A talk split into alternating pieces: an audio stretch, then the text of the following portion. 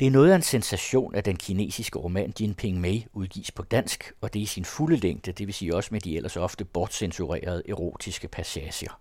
Den er på 10 bind, og nu er bind 3 netop udkommet, og i den anledning genudsender vi samtalen med den danske sinolog Vibeke Børdal, der har gjort det formidable arbejde at bringe romanen fra den anden side af verden og fra længst forsvundne tider til os i dagens Danmark. Vibeke Børdal har i mange år forsket i kinesisk mundtlig fortælletradition.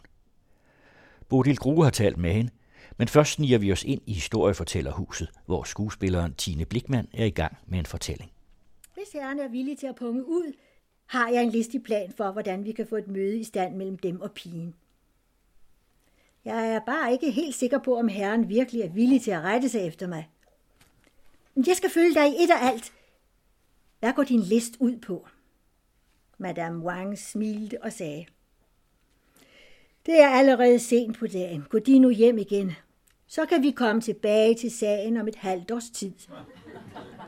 Simon Ching sagde bønfaldende. Hold mig nu ikke hen, gudmor.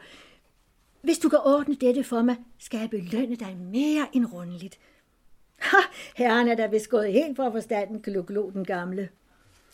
Nå, men planen er god nok. Den hører måske ikke hjemme i de hellige haller, men at den er langt mere effektiv end dengang general Sun eksercerede sit kvindekompani. I ni ud af ti tilfælde lader fuglen sig fange, og hun står til herrens disposition. Nu skal jeg for alvor sætte dem ind i situationen. Pigen er ganske vist af ringe herkomst, men hun er rigt begavet og har et væld af færdigheder. Hun kan både synge og spille, syg og brodere, og deklamere digte, spille med terning og spille skak. Der er ikke den ting, hun ikke kan. Hun hedder Jin Lian, Gyldne Lotus, og hendes pigenavn er Pan, en datter af skrædder Pan fra Sønderport. Oprindeligt blev hun solgt til Riemann Synge, hvor hun blev oplært i at synge og spille lut. Da han blev for gammel, skilte han sig af med hende og skænkede hende gratis til Wudar som kone. Wudar har altid været et skravl af et mandfolk. Fra tidlig til Silla er han ude og tænker kun på geschæften. Pigebarnet sidder derhjemme og keder sig, uden at kunne gå ud. Når jeg ikke har andet for, plejer jeg at tage mig en tur over til hende og slå en sludder af. Hvis der er et eller andet, hun ikke kan finde ud af, kommer hun også altid over til mig og spørger om råd. Hun kalder mig også gudmor. De sidste par dage har Wudar forladt huset særligt tidligt. Hvis herren ønsker at gå i gang med dette forhavne, må de først købe følgende. En rulle blå silke, en rulle hvid silke, en rulle hvid taft og dertil fin silketråd for 10 sølvstykker. Så snart dette er leveret til mig, går jeg over til hende for at låne en kalender og beder hende hjælpe mig at vælge en gunstig dag til at skaffe en skrædder. Når hun hører om dette, og vi skal til at vælge dagen, hvis hun da ikke tilbyder sig at sy for mig, ja, så er slaget tabt. Men hvis hun er rigtig elskværdig og siger, at hun gerne vil sy for mig, og ikke vil lade mig hente en skrædder, så har vi vundet første omgang. Dernæst inviterer jeg hende ind til mig for at sy, og lykkes det, har vi vundet anden omgang. Den dag, hvor hun skal komme og sy, arrangerer jeg en lille lækker frokost med vin og beder hende tage til takke. Hvis hun afslår og vil tage syrearbejdet med hjem i stedet, så er jeg slaget tabt. Men hvis hun spiser uden indvendinger, så har vi vundet tredje omgang. Denne første dag må de ikke komme. Først den tredje dag omkring middag kan de indfinde dem, iført deres bedste pus. De rømmer dem uden for døren for at varsko mig, og så kalder de, hvorfor har jeg ikke set dem flere dage i træk, gudmor? Jeg vil gerne have en kop te. Jeg kommer så ud og inviterer dem indenfor til te. Hvis hun ved synet af dem straks rejser sig for at gå hjem, hvordan skal jeg da kunne holde på hende? Nej, der er slaget tabt. Men hvis hun bliver siddende, skønt hun ser dem komme ind, så har vi vundet fjerde omgang. Frisk fra trykkeren er den kommet, den her fine silkebog i hvid silke med rød skrift. Jin med i vers og prosa. Og på det beskyttende omslag, der står der, at det er en roman om en kærlighedshistorie, om en slags kinesisk Don Juan. Kan man sammenligne bogen med en vestlig roman? Er der en handling og en hovedperson? Der er en handling, og der er flere hovedpersoner. Men jeg tror ikke, der findes nogen vestlig roman, så vi kunne sige, det er en pangdang til den. Det tror jeg ikke, der findes. Eftersom romanen er berømt for sine erotiske passager, sådan herostratisk berømt, så er den blevet sammenlignet med Decameron. Men den ligner jo slet ikke Decameron. Og eftersom det er den første kinesiske, en, en af de allerførste kinesiske romaner, så er den blevet sammenlignet med en af de allerførste europæiske romaner, Don Quixote. Men den er også helt anderledes end Don Quixote. Jeg tror ikke, nogen er i tvivl om, at Don Quixote er et mesterværk. Heller ingen er i tvivl om, at Jinping Mei er et mesterværk. Man kan sige, at i kinesisk tradition, så er der noget i handlingen, som er specielt, nemlig at den ikke handler om noget væsentligt. Altså de tidligere romaner, vi har, som er ikke ret mange, der går forud for den her, for den er en af de aller tidligste, men vi har et par stykker, der går forud. Og de handler om store ting og heltemodige bedrifter. Men denne her roman, den handler om livet i en familie. Kampene mellem kvinderne. Det er, det er et emne, som normalt ikke regnes for værdigt øh, til noget som helst. Altså det, det, det skriver man ganske enkelt ikke om. Men med denne her roman er det blevet øh, en af hovedsiderne at se på hele livet i en velstående familie. Og øh, manden i den familie, det er det, jeg, jeg kalder for en Don Juan-figur. Men igen, det har ikke så meget med den europæiske Don Juan at gøre. Kun i den ganske almene forstand, at det er en mand, øh, der har kærlighedsforhold til højre og venstre gennem hele sit liv. Men ellers er det kvinderne, der er, der er en slags hovedpersoner. Ja, og det er jo også en meget speciel ting. I de tidligere romaner, vi har, der er en, der hedder De Tre Riger, som handler om store militær slag igennem en, en, en borgerkrigsperiode. Det er jo nærmest kun mænd. Altså, der er jo no, nogle hustruer også, men det er mændenes historie. Hvordan de snyder og bedrager hinanden og drager i krig i harnisk og udfører store bedrifter og, og tænker genialt. Det, det handler den, den jo om. Og så har vi den næste, som der drejer sig om en slags Robin Hood-bande, øh, der gør oprør under sungkejseren. Det er jo også disse store helte, og hvad de udfører af, af bedrifter, der står i centrum den ene efter den anden. Men med denne her roman, så ser vi allerede på titlen, at det faktisk drejer sig i høj grad om kvindernes historie. Og selvom vi kan sige, at det er en mand, en Don Juan-figur, der er hovedpersonen, så må vi jo sige, at her er kvinderne som Don Juan-figurer, kvindelige Don Juaner, også i centrum. Altså det er ikke kun manden, øh, der ligesom opfører sig ud fra sine seksuelle tilbøjeligheder. Kvinderne gør også i høj grad det, og det er jo i grunden et fuldstændigt tabubelagt emne så, som der her er, er lagt blot. Jin Ping Mei, hvad betyder det? Titlen på bogen, Jin Ping Mei, det, øh, det er jo et symbol på det her, fordi det er navnene på de tre vigtigste kvindelige figurer. Der er mange kvindelige figurer, eftersom der er mange erobringer, og det er en familie med masser af konkubiner – og, så, og, og livet på bordellerne spiller også en stor rolle. Så der, der er mange kvindelige figurer, og alle disse figurer har faktisk er, er tegnet med individuel psykologisk øh, sans og realisme. Men de tre vigtigste figurer, kan vi sige, det, det er dem, der, der, har, der har givet navn til titlen. Og det, de er så kun gengivet med det ene tegn, det ene ord i deres navn. Det allerførste, Jin, det betyder guld. Og det, øh, det kommer af navnet Gyldne Lotus. Og, og Gyldne Lotus, det er navnet på den første øh, kvindelige hovedperson, som vi træffer akkurat i det bind, vi sidder med i hånden her. Hun er berømt først og fremmest for sine små fødder. bitte små bundne fødder, som bare er tre tommer i størrelse. Fordi at hun som ung er blevet snørret så tæt, at hun har helt specielt små fødder, så har hun også fået et fornavn baseret på det. Gyldne lotus, det betyder bitte små fødder. Og det næste ping, det betyder vase.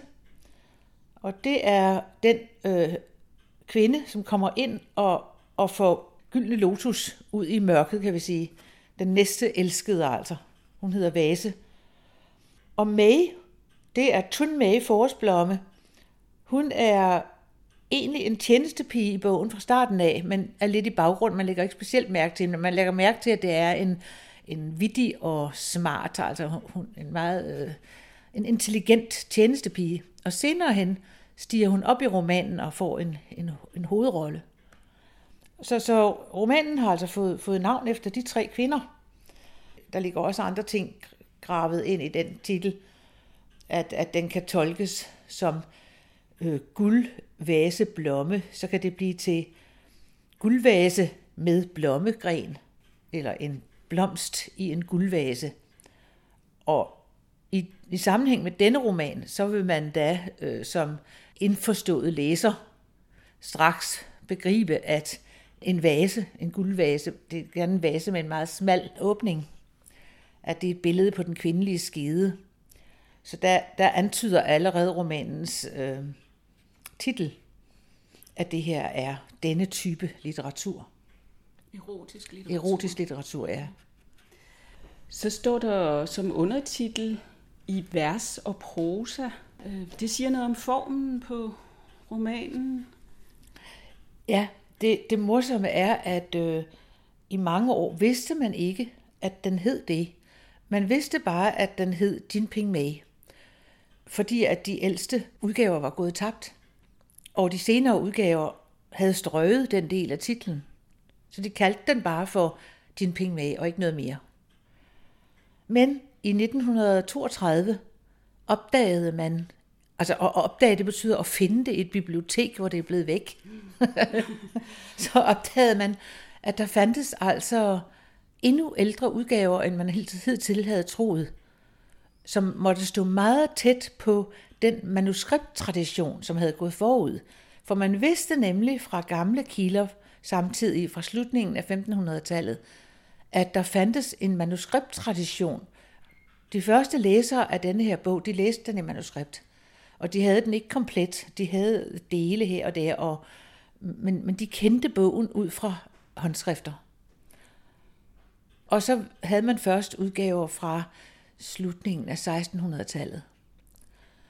Men så i 32 opdagede man en udgave, som hed Jinping Mei Tidhua, som betyder vers og prosa. Og øh, den regner man nu for at være den allerførste udgave, som, som findes bevaret. Og den er også endnu mere typisk i sin form af vers og prosa, i og med, at versene, poesien, alt det, som kan synges i bogen, har en meget stor plads. I senere udgaver har man haft en tendens til at, at stryge en del af det. Man synes i grunden, det bliver for meget. Taget, taget noget af det væk. Men i den første udgave, der, der skifter det virkelig mellem vers og prosa hele tiden. Og nu er det jo sådan, at nogle af historiefortællingstraditionerne i Kina, de er netop karakteriseret ved, at fortælleren hele tiden skifter mellem at fortælle og synge. Det, det er en typisk historiefortællingstradition, som findes mange steder i Kina. Altså det er en, en uh, mundtlig tradition for at fortælle historier, som findes Ja, og findes den dag i dag, ja. Hvordan foregår det med mundtlige... Hvordan man gør det her? Ja. Altså, disse fortællere, vi snakker om her i Kina, i, i Kina er historiefortælling en profession. Man lærer det af sin mester. Og det galt enten det var en, en af disse historiefortællere, som hovedsageligt bare fortæller, eventuelt er til deklamerer nogle vers.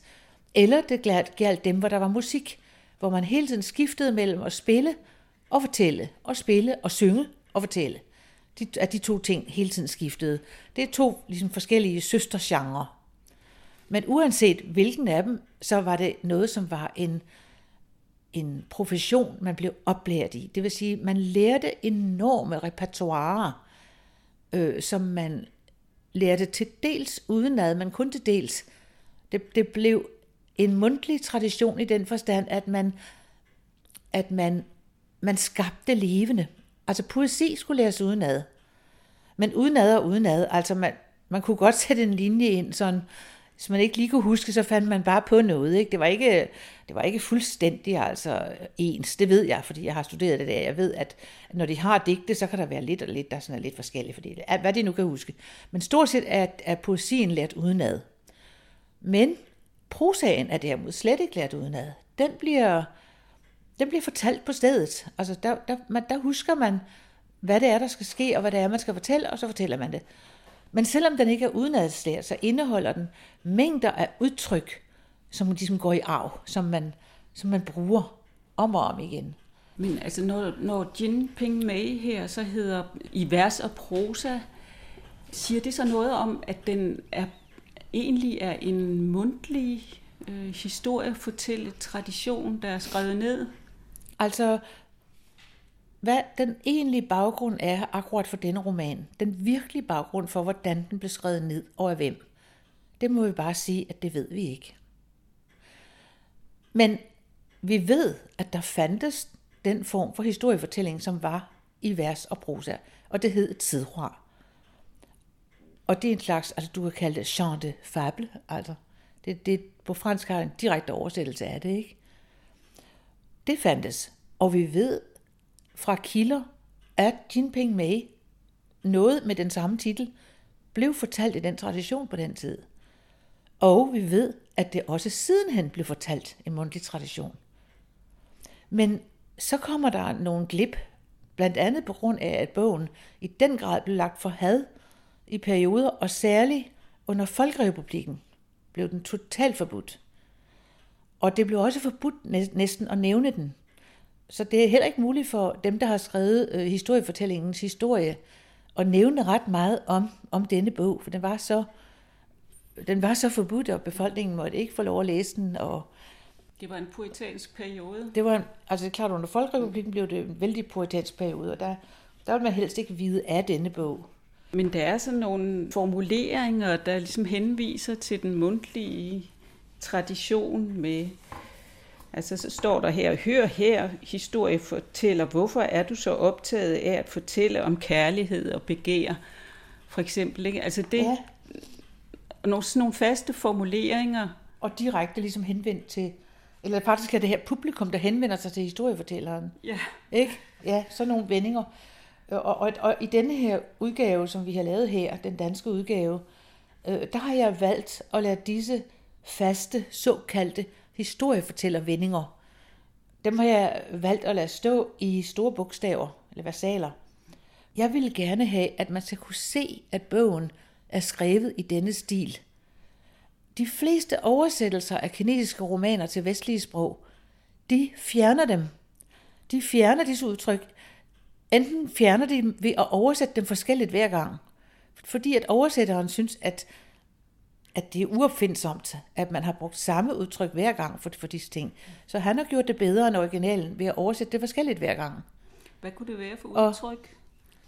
Og, altså, der er et udtryk, som de plejer at beholde i oversættelserne, men det er også det eneste. Det er det, som kommer ved slutningen af hvert kapitel. Hvis I ikke ved, hvad der siden sker, så lyt til fortællingen i næste runde. Hvert kapitel i sådan en bog hedder nemlig en runde. Men nu har jeg, bruger jeg bare udtrykket ved, ved afslutningen af kapitlet, fordi at vi har akkurat en slags overgang mellem to betydninger af samme ord. En runde i historiefortællerhuset, hvor man kommer tilbage til en ny runde, ikke? og så et kapitel i en bog. Noget, der inddeler teksten, og hvor man kan sætte et tal på. 1, 2, 3. Så når jeg taler om kapitlerne i, når man starter på et nyt kapitel, så kalder jeg det for kapitel, fordi der er det en bog. Men når jeg kommer til slutningen, og det, vi har det samme ord, så oversætter jeg det ved runde, for, for at vise, at egentlig er det denne mundtlige tilbagevenden til historiefortælleren. Man kommer, man kommer hver dag og lytter.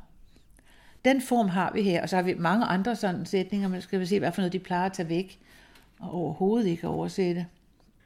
For eksempel denne her – men lad os ikke fortabe os i unødvendige detaljer. Ja. De plejer bare at, og, og fjerne det. Det er jo unødvendigt. Man behøver jo ikke at sige det. Men jeg, jeg har valgt at lade det stå, og lade det stå ganske tydeligt, fordi at så ser man, at romanen hører med i denne tradition.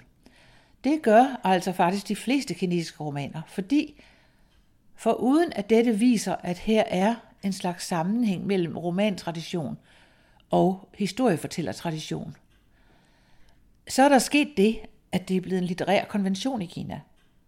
Sådan så, at hvis du skriver en roman, jamen, så må du bare bruge denne tradition. Ellers var det ikke nogen roman, nærmest. Det Og der viser det ikke længere noget, om der er en sammenhæng med en egentlig mundtlig tradition. Det svarer til, at alle romaner i Vesten skulle begynde med, der var en gang, ligesom i øh, de mundtligt fortalte eventyr. Det er akkurat det er den, den type vendinger. Ja. Der var en gang en dansk folkemindeforsker, tror jeg, der sagde til mig, men jeg husker det ikke så tydeligt længere, men jeg mener, der var, det var en dansk folkemindeforsker, der sagde til mig, hvis et, en, en fortælling starter med, der var en gang, så kan du regne med, at det her er et kunsteventyr. Det er en forfatter, der har lavet det.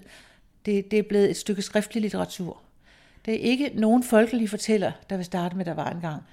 En folkelig fortæller, i hvert fald af den gamle tids, vil bare sige, der var en mand. Der var en gang, det er blevet en litterær floskel. Ja. Den, den kan man kun bruge, hvis man er begyndt at skrive et litterært stykke. Ikke?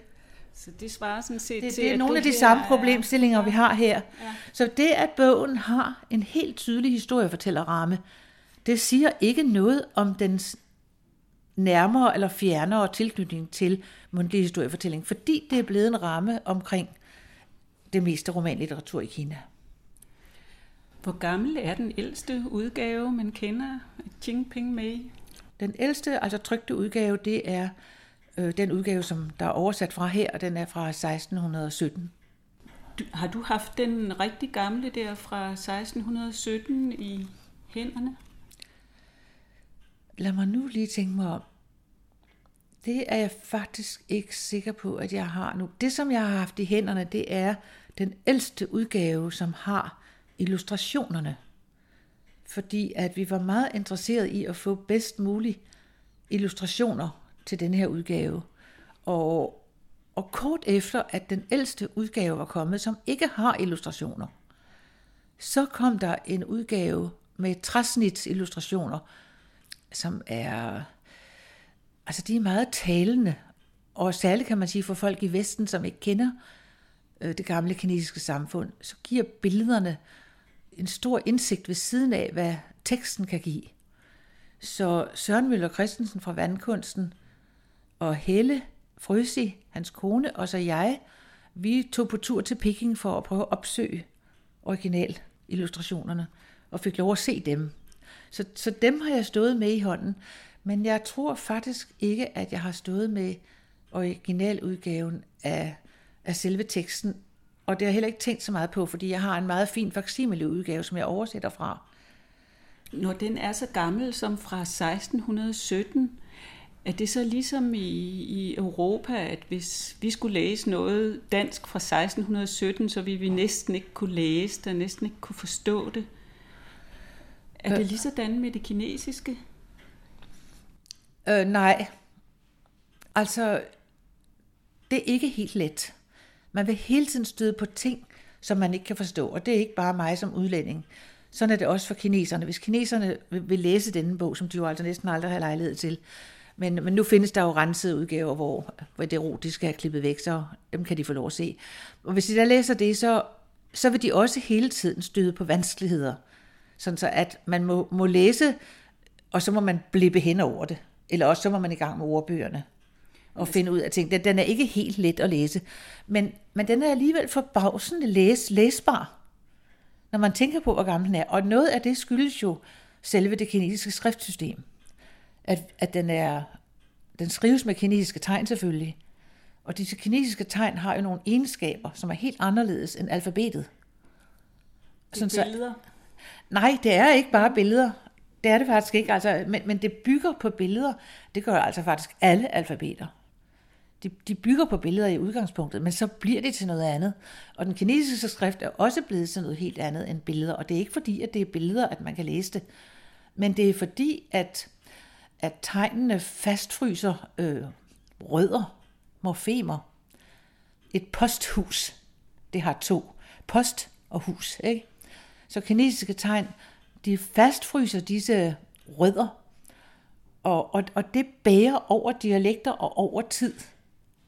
Så længe de samme rødder bliver brugt i sproget, så, så kan det altså læses. Og det er også derfor, at man kan, at folk, der kommer med helt forskellige dialektal baggrund, alligevel alle sammen kan læse den kinesiske skrift, hvis man har lært at læse. Fordi at den, den, den skrift har, har nogle helt specielle egenskaber. Men når du så har oversat, øh, har du så haft hjælp der af andre oversættelser til europæiske sprog end din? Altså har du haft hjælp af, at den har været oversat til, hvad har den været oversat til? Den har været oversat først til tysk, og så til fransk, og så og også til engelsk indimellem, og, og, til, og så til engelsk igen. Og, øh, og alle disse oversættelser, altså de to vigtigste for mig, det er den franske fra 1985 af André Lévy. En meget fin fransk oversættelse, øh, som er en kæmpe stor hjælp for mig. Jeg oversætter ikke fra fransk, og jeg oversætter ikke fra engelsk. Den, den engelske, jeg benytter, det er David Todd Roy fra 1993, som ikke er færdig endnu, men snart nok er det. Han mangler vist kun et bind nu. Men han har arbejdet med den i rigtig mange år. Disse oversættelser er det, man kan kalde for forskning i oversættelse, altså research in translation, hvor man ikke bare har oversat en tekst, men samtidig har drevet vældig grundig tekstkritisk øh, forskningsarbejde på teksten. Det har disse forskere gjort.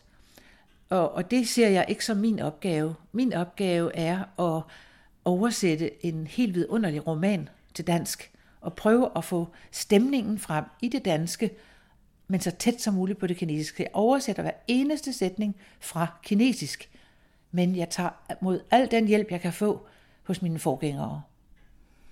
Det er alligevel ret sent, at den er oversat til fransk og engelsk. Ja, men den har en, en forhistorie. Det, som skete i begyndelsen, det var, at der kom en tysk oversættelse i, i 30'erne. Og den oversættelse passede tidens smag. Det, vi var ikke så langt fra Victoria-tiden. Og den oversættelse var en forkortelse, så at man ikke skulle læse denne enorme roman, men bare kunne læse så et Reader's Digest, kan vi sige altså. Og så det var forkortet på en meget fin måde. Det var vældig godt lavet. Og så var alt det, som var alt for uartigt, væk. Og dermed var den tryk. Og den kom altså først på tysk, på engelsk, altså alle oversatte fra tysk, så fra tysk til engelsk, og fra, fra engelsk til fransk, og den kom også på svensk, men først 20 år senere. Men, men den har været meget udbredt, og den har sikkert været udbredt i mange andre lande også. Jeg, jeg har ikke styr på, hvor mange, der har, der har oversat den fra tysk. Men den tog markedet, kan vi sige.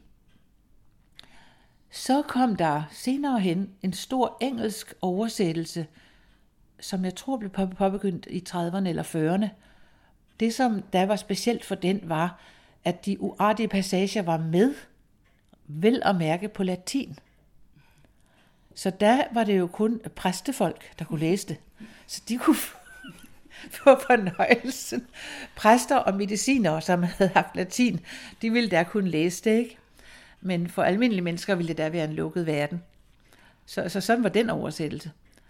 Disse tidlige oversættelser byggede ikke på den ældste udgave. Den var ikke fundet. Den var ikke, den var ikke, folk var ikke klar over den. Den blev fundet i 32, men alligevel det tog lang tid, inden det slog igennem, at, at der var kommet en, en, en udgave endnu ældre og endnu mere komplet. Så da øh, Levi lavede sin oversættelse, så var det den første europæiske oversættelse, som var komplet og som byggede på denne ældste udgave, som også er langt mere komplet end nogle af de senere udgaver. Og altså, det, det er sådan set den første, kan vi sige, virkelig oversættelse af bogen i, i dens mest komplette form og oprindeligste form. Det er alligevel sent i forhold til, at øh, bogen er trygt i Kina i 1617.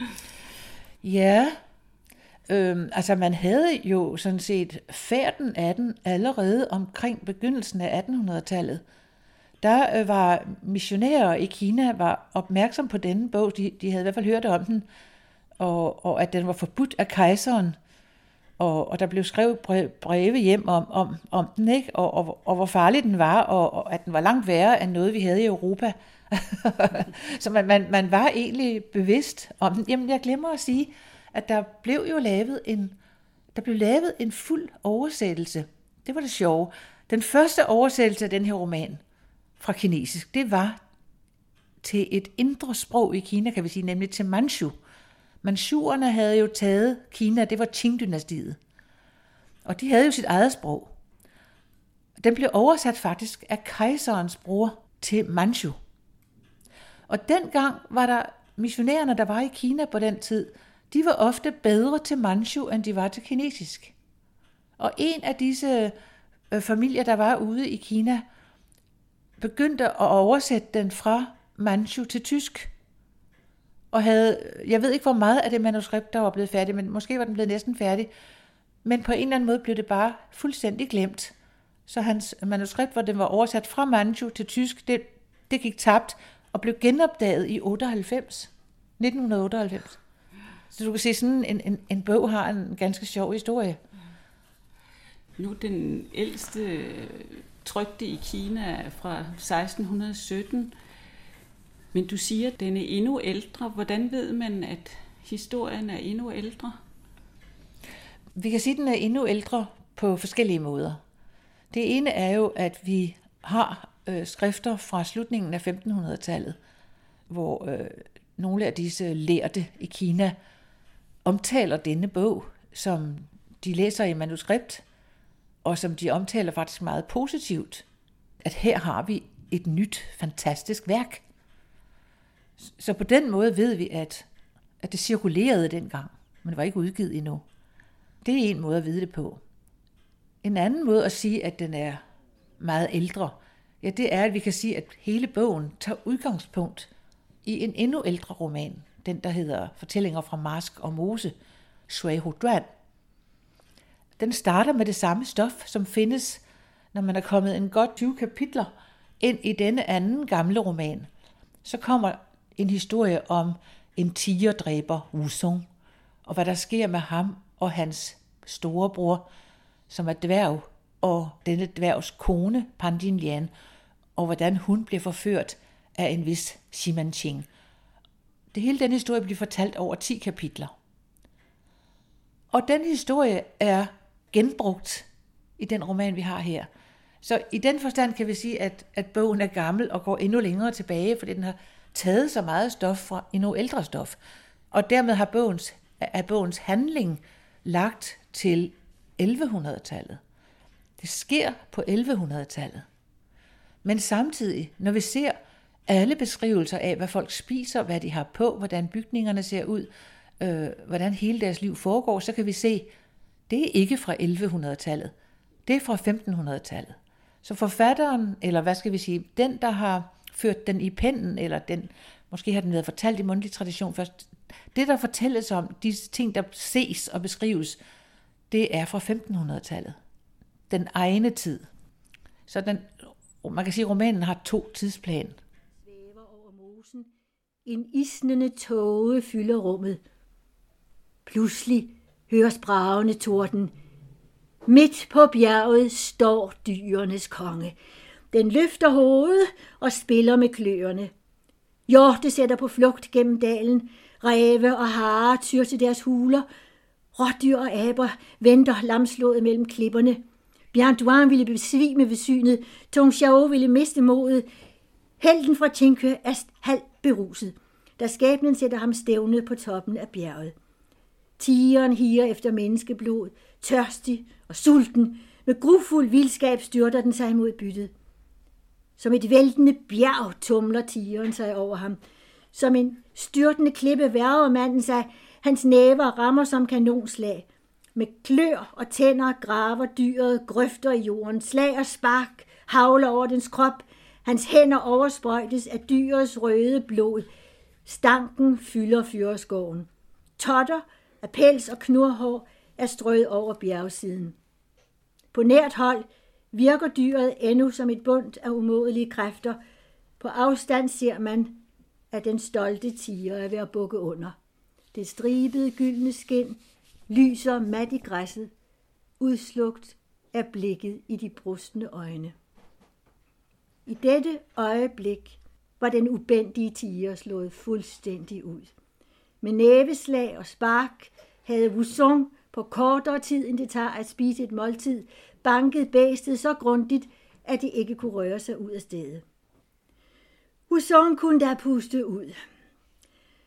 Så slap han taget i tigeren og løb hen efter sin splindrede kæp, som var havnet under et fyrtræ.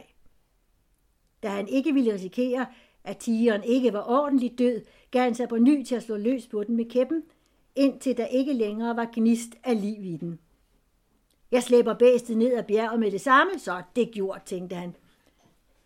Men da han gik hen for at løfte dyret op af blodpølen, orkede han ikke at rokke den ud af stedet. Al hans kraft var tappet, og han følte sig lam i alle lemmer. Usong satte sig endnu en gang op på klippen for at hvile. Der hørte han en viskende lyd fra græsletten. Der kom ikke et ord fra hans læber, men han følte et gys i hjertet. Nu er det ved at være ordentligt mørkt. Hvis der kommer sådan et bæs til og springer på mig, hvordan skal jeg så få has på den? Næppe havde han tænkt så langt, før han fik øje på to store tiger, som sned sig frem langs bjergskroningen. Der fik Husong en ordentlig skræk i livet og råbte, ej, ja, denne gang er det ude med mig. Han så, hvordan de to vældige tiger rejste sig på bagbenene foran ham. Hvis I nu vil høre mere, så må I komme igen i morgen. Nu hører man historien om tigerdræberen Wu Song øh, som en del af, af den her roman. Det er en historie, som jeg ved, du har beskæftiget dig meget med i din tid som forsker i kinesisk historiefortælling. Ja. Hvorfor, hvorfor ser vi den historie her? Hvordan har du ellers mødt den? Man kan sige, at det er jo selvfølgelig ikke helt tilfældigt. Altså det, i udgangspunktet er det temmelig tilfældigt, at jeg har arbejdet så meget akkurat med den historie. Så, men der er mange berømte historier i Kina, den er en af dem. Og, og da jeg var helt ung, så læste jeg den historie, og jeg oversatte den også i en bog, hvor jeg tog uddrag fra de store kinesiske romaner og, og bragte nogle få kapitler fra hver roman og lavede en bog om det, som kom i 87, tror jeg, og så 89. Der havde jeg oversat den.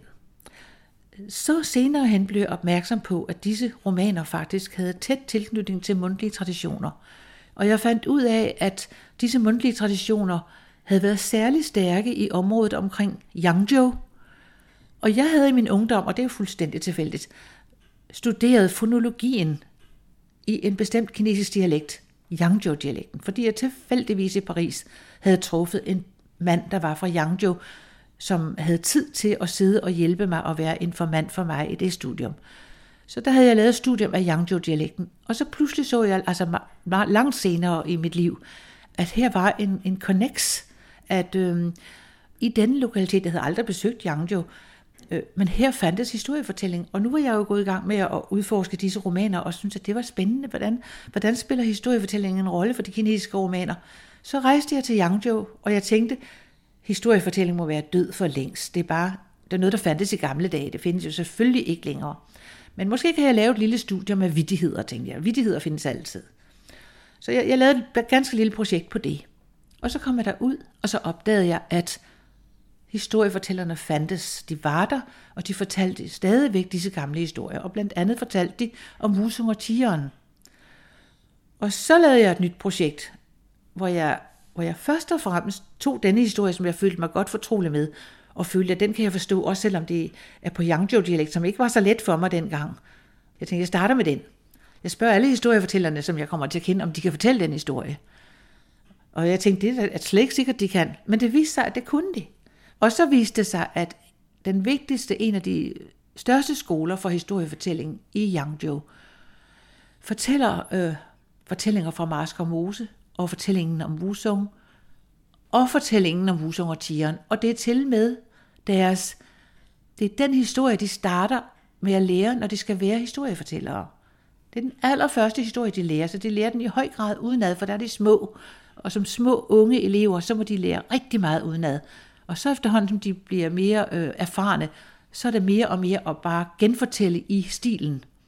Og, og bruge alle disse, alle disse metoder, som historiefortællerne bruger for at, for at fortælle. Men, men den historie er jeg så kommet til at blive hængende ved, fordi at, øh, det var mit største materiale gik på den historie. Og så samlede jeg også mange andre historier ind, men, men jeg havde den som et kernemateriale. Og så siden havde, henfandt jeg ud at jeg ville gerne studere mere, hvordan, hvordan skriftlige traditioner kunne hænge sammen med det mundtlige, når, når vi havde sådan mundtlige traditioner i Kina. Hvordan, hvordan hang det sammen med det skriftlige? Og så begyndte jeg at lave et nyt stort projekt, hvor jeg indsamlede fortællinger om Wusong og Tian, ikke bare blandt mine egne historiefortællere i Yangzhou, men i mange andre historiefortællingsgenre, og i drama, og i romanversionerne. Op gennem tiden, igennem omtrent 700 år. Tekster, der findes, plus mundtlige fremførelser fra vores egen tid i mange forskellige genrer. Så, så der blev det, det blev mit livs historie. Så det er så også derfor, at du har oversat. Øh, og det er faktisk der, ja, det er, man kan sige, at øh, jeg vidste jo, at fortællinger fra Marsk og Mose allerede fandtes på svensk i øh, Jørgen Malmqvists dejlige oversættelse til svensk. Og, og jeg synes, at, at vi må regne Norden for en helhed, når det gælder det her. Øh, hvis man i det hele taget er interesseret i det her, så kan man godt tage skridtet og læse det på svensk, hvis det findes der. Og, men Jinping Mei fandtes rigtig nok i denne meget forkortede udgave på svensk. Øh, men det regnede jeg faktisk ikke rigtigt. Jeg synes i hvert fald, at jeg, at jeg kunne lave, jeg kunne oversætte Jinping Mei, og, og det ville være noget, der kunne være brug for i Norden. Og selvfølgelig for mig var det også det, at, øh, at også denne roman tager udgangspunkt i min tigerhistorie. Det, det havde noget med det at gøre også. Men det er altså også fordi, at jeg synes, at, øh, at bogen er Altså, den er vældig interessant langt ud over tigerhistorien, og også langt ud over øh, de erotiske passager, synes jeg har en, en absolut organisk betydning i romanen. De er ikke klistret ind, bare for at vi skal have noget, så vi kan ligesom gå efter det Øh, de er virkelig en del af hele romanens øh, følelse og struktur, og, og, og romanen er, er langt mere end det erotiske. Vi kan også sige, at det erotiske er langt mere end romanen. Altså det, det er noget, som er vigtigt. Og, og jeg synes, at romanen er, det, det, er en, det er et ganske fantastisk værk. Lever den historien i Kina endnu i dag? Læser folk den eller hører den som fortælling? Din penge med? Altså, den blev jo så grundigt udryddet under Folkerepublikken. Og måske allerede, at man under republikken, altså fra 1911 til 49, ikke, at man allerede da var betænkelig ved at have et sådan repertoire, så at øhm, den er stort set forsvundet som mundtligt repertoire.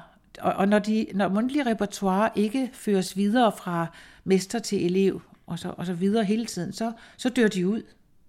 Når det er død ud, så, så kan det faktisk ikke leves op igen. Så kan man selvfølgelig genskabe det ved at begynde at tage en bog, og så begynde at lave noget nyt ud af det igen. Men altså, den egentlige tradition er da død. Det er det, jeg, har, det, det er det, jeg mener, der er sket for Tin Ping Den findes ikke i mundtlig tradition længere, men den vil heller ikke få lov til at blive opført.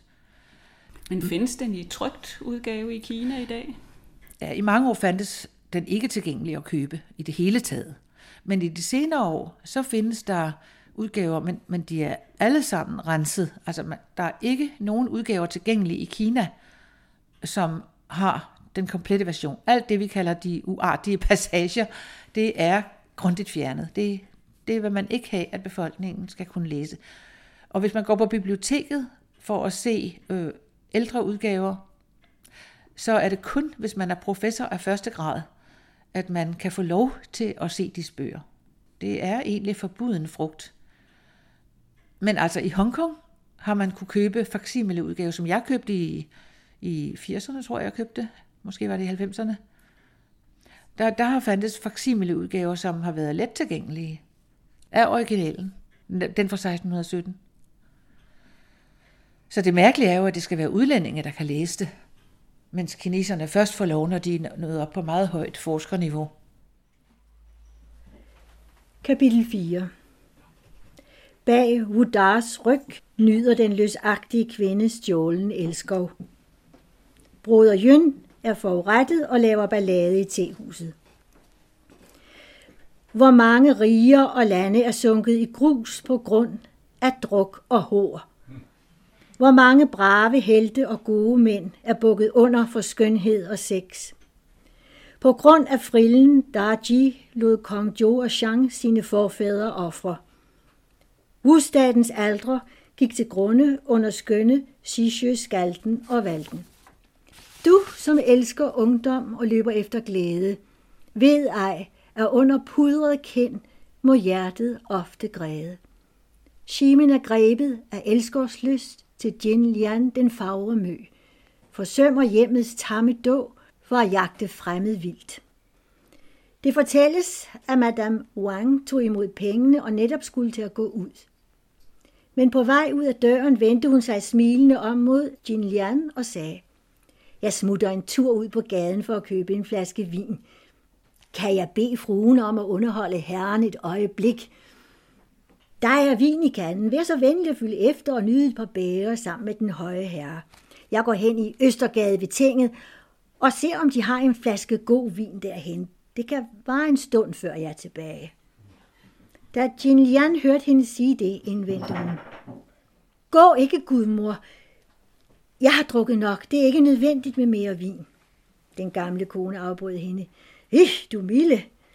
Du og herren er da ikke fremmede for hinanden. Selvfølgelig kan I holde hinanden med selskab og drikke et enkelt bære. Hvad skulle det kunne skade? Jean Lian mumlede, at det ikke var nødvendigt, men hun blev siddende, hvor hun sad. Den gamle kone trak døren til og bandt den fast. Da hun havde lukket de to ind i værelset, satte hun sig på gaden for at spinde garn. I midlertid fortælles det, at da de nu var blevet alene i værelset, lod Simon Ching øjnene vandre over den unge kvinde. Over hårets skyformationer, som hendes delvis opløste frisyrer lod falde frit. Over hendes myge bryst, som kunne anes i halsudskæringen. Over hendes pudrede ansigt, som lyste i rødt og hvidt. Han greb kanden for at skænke vin op og inviterede hende til en skål. Et øjeblik senere lod han, som om han havde det for varmt, og tog sin grønne silkekjortel af. Kan jeg bede fruen om at hænge den på gudmors sengeskærm? Hun rakte skyndsomt hånden ud og tog imod den og hængte den omhyggeligt op. Shimin Ching sørgede med vilje for, at hans ærmegab kom til at strejfe bordet, således at det fejlede et par spisepinde ned på gulvet. Nu ville skæbnen et lykketræf. Spisepindene faldt netop ved siden af den unge kvindes fødder. Shimin Ching bøjede sig omgående ned for at samle spisepindene op, og hvad så han da? Et par spidse, spinkle, knapt tre tommer, næppe en halv håndspred, bitte små, gyldne lotus, som tittede frem ved siden af spisepindene. Jimin Ching lod spisepindene være, og lod i stedet hånden røre ved hendes broderede skospids og gav den et lille klem. Hun begyndte at fnise og sagde, Herren behøver ikke at genere sig. De har lyst, og jeg er villig. De må gerne forføre mig for alvor. Shimin Ching faldt ned på knæ for hende og udbrød Og kære lyttere, hvis I vil høre mere, så må I selv skaffe jer bogen. Det var Tine Blikman, der læste uddrag af romanen, og oversætteren sinologen Vibeke Børdal, der fortalte det til Bodil Grohe. Jin Ping Mei, bind 1, er udkommet på Vandkunstens forlag, og bind 2 af de i alt 10 bind er lige på trapperne. Er man mere interesseret i kinesisk historiefortælling, så kan vi henvise til Vibeke Børdals bog Tiger, Tiger, der også er udkommet på Vandkunstens forlag.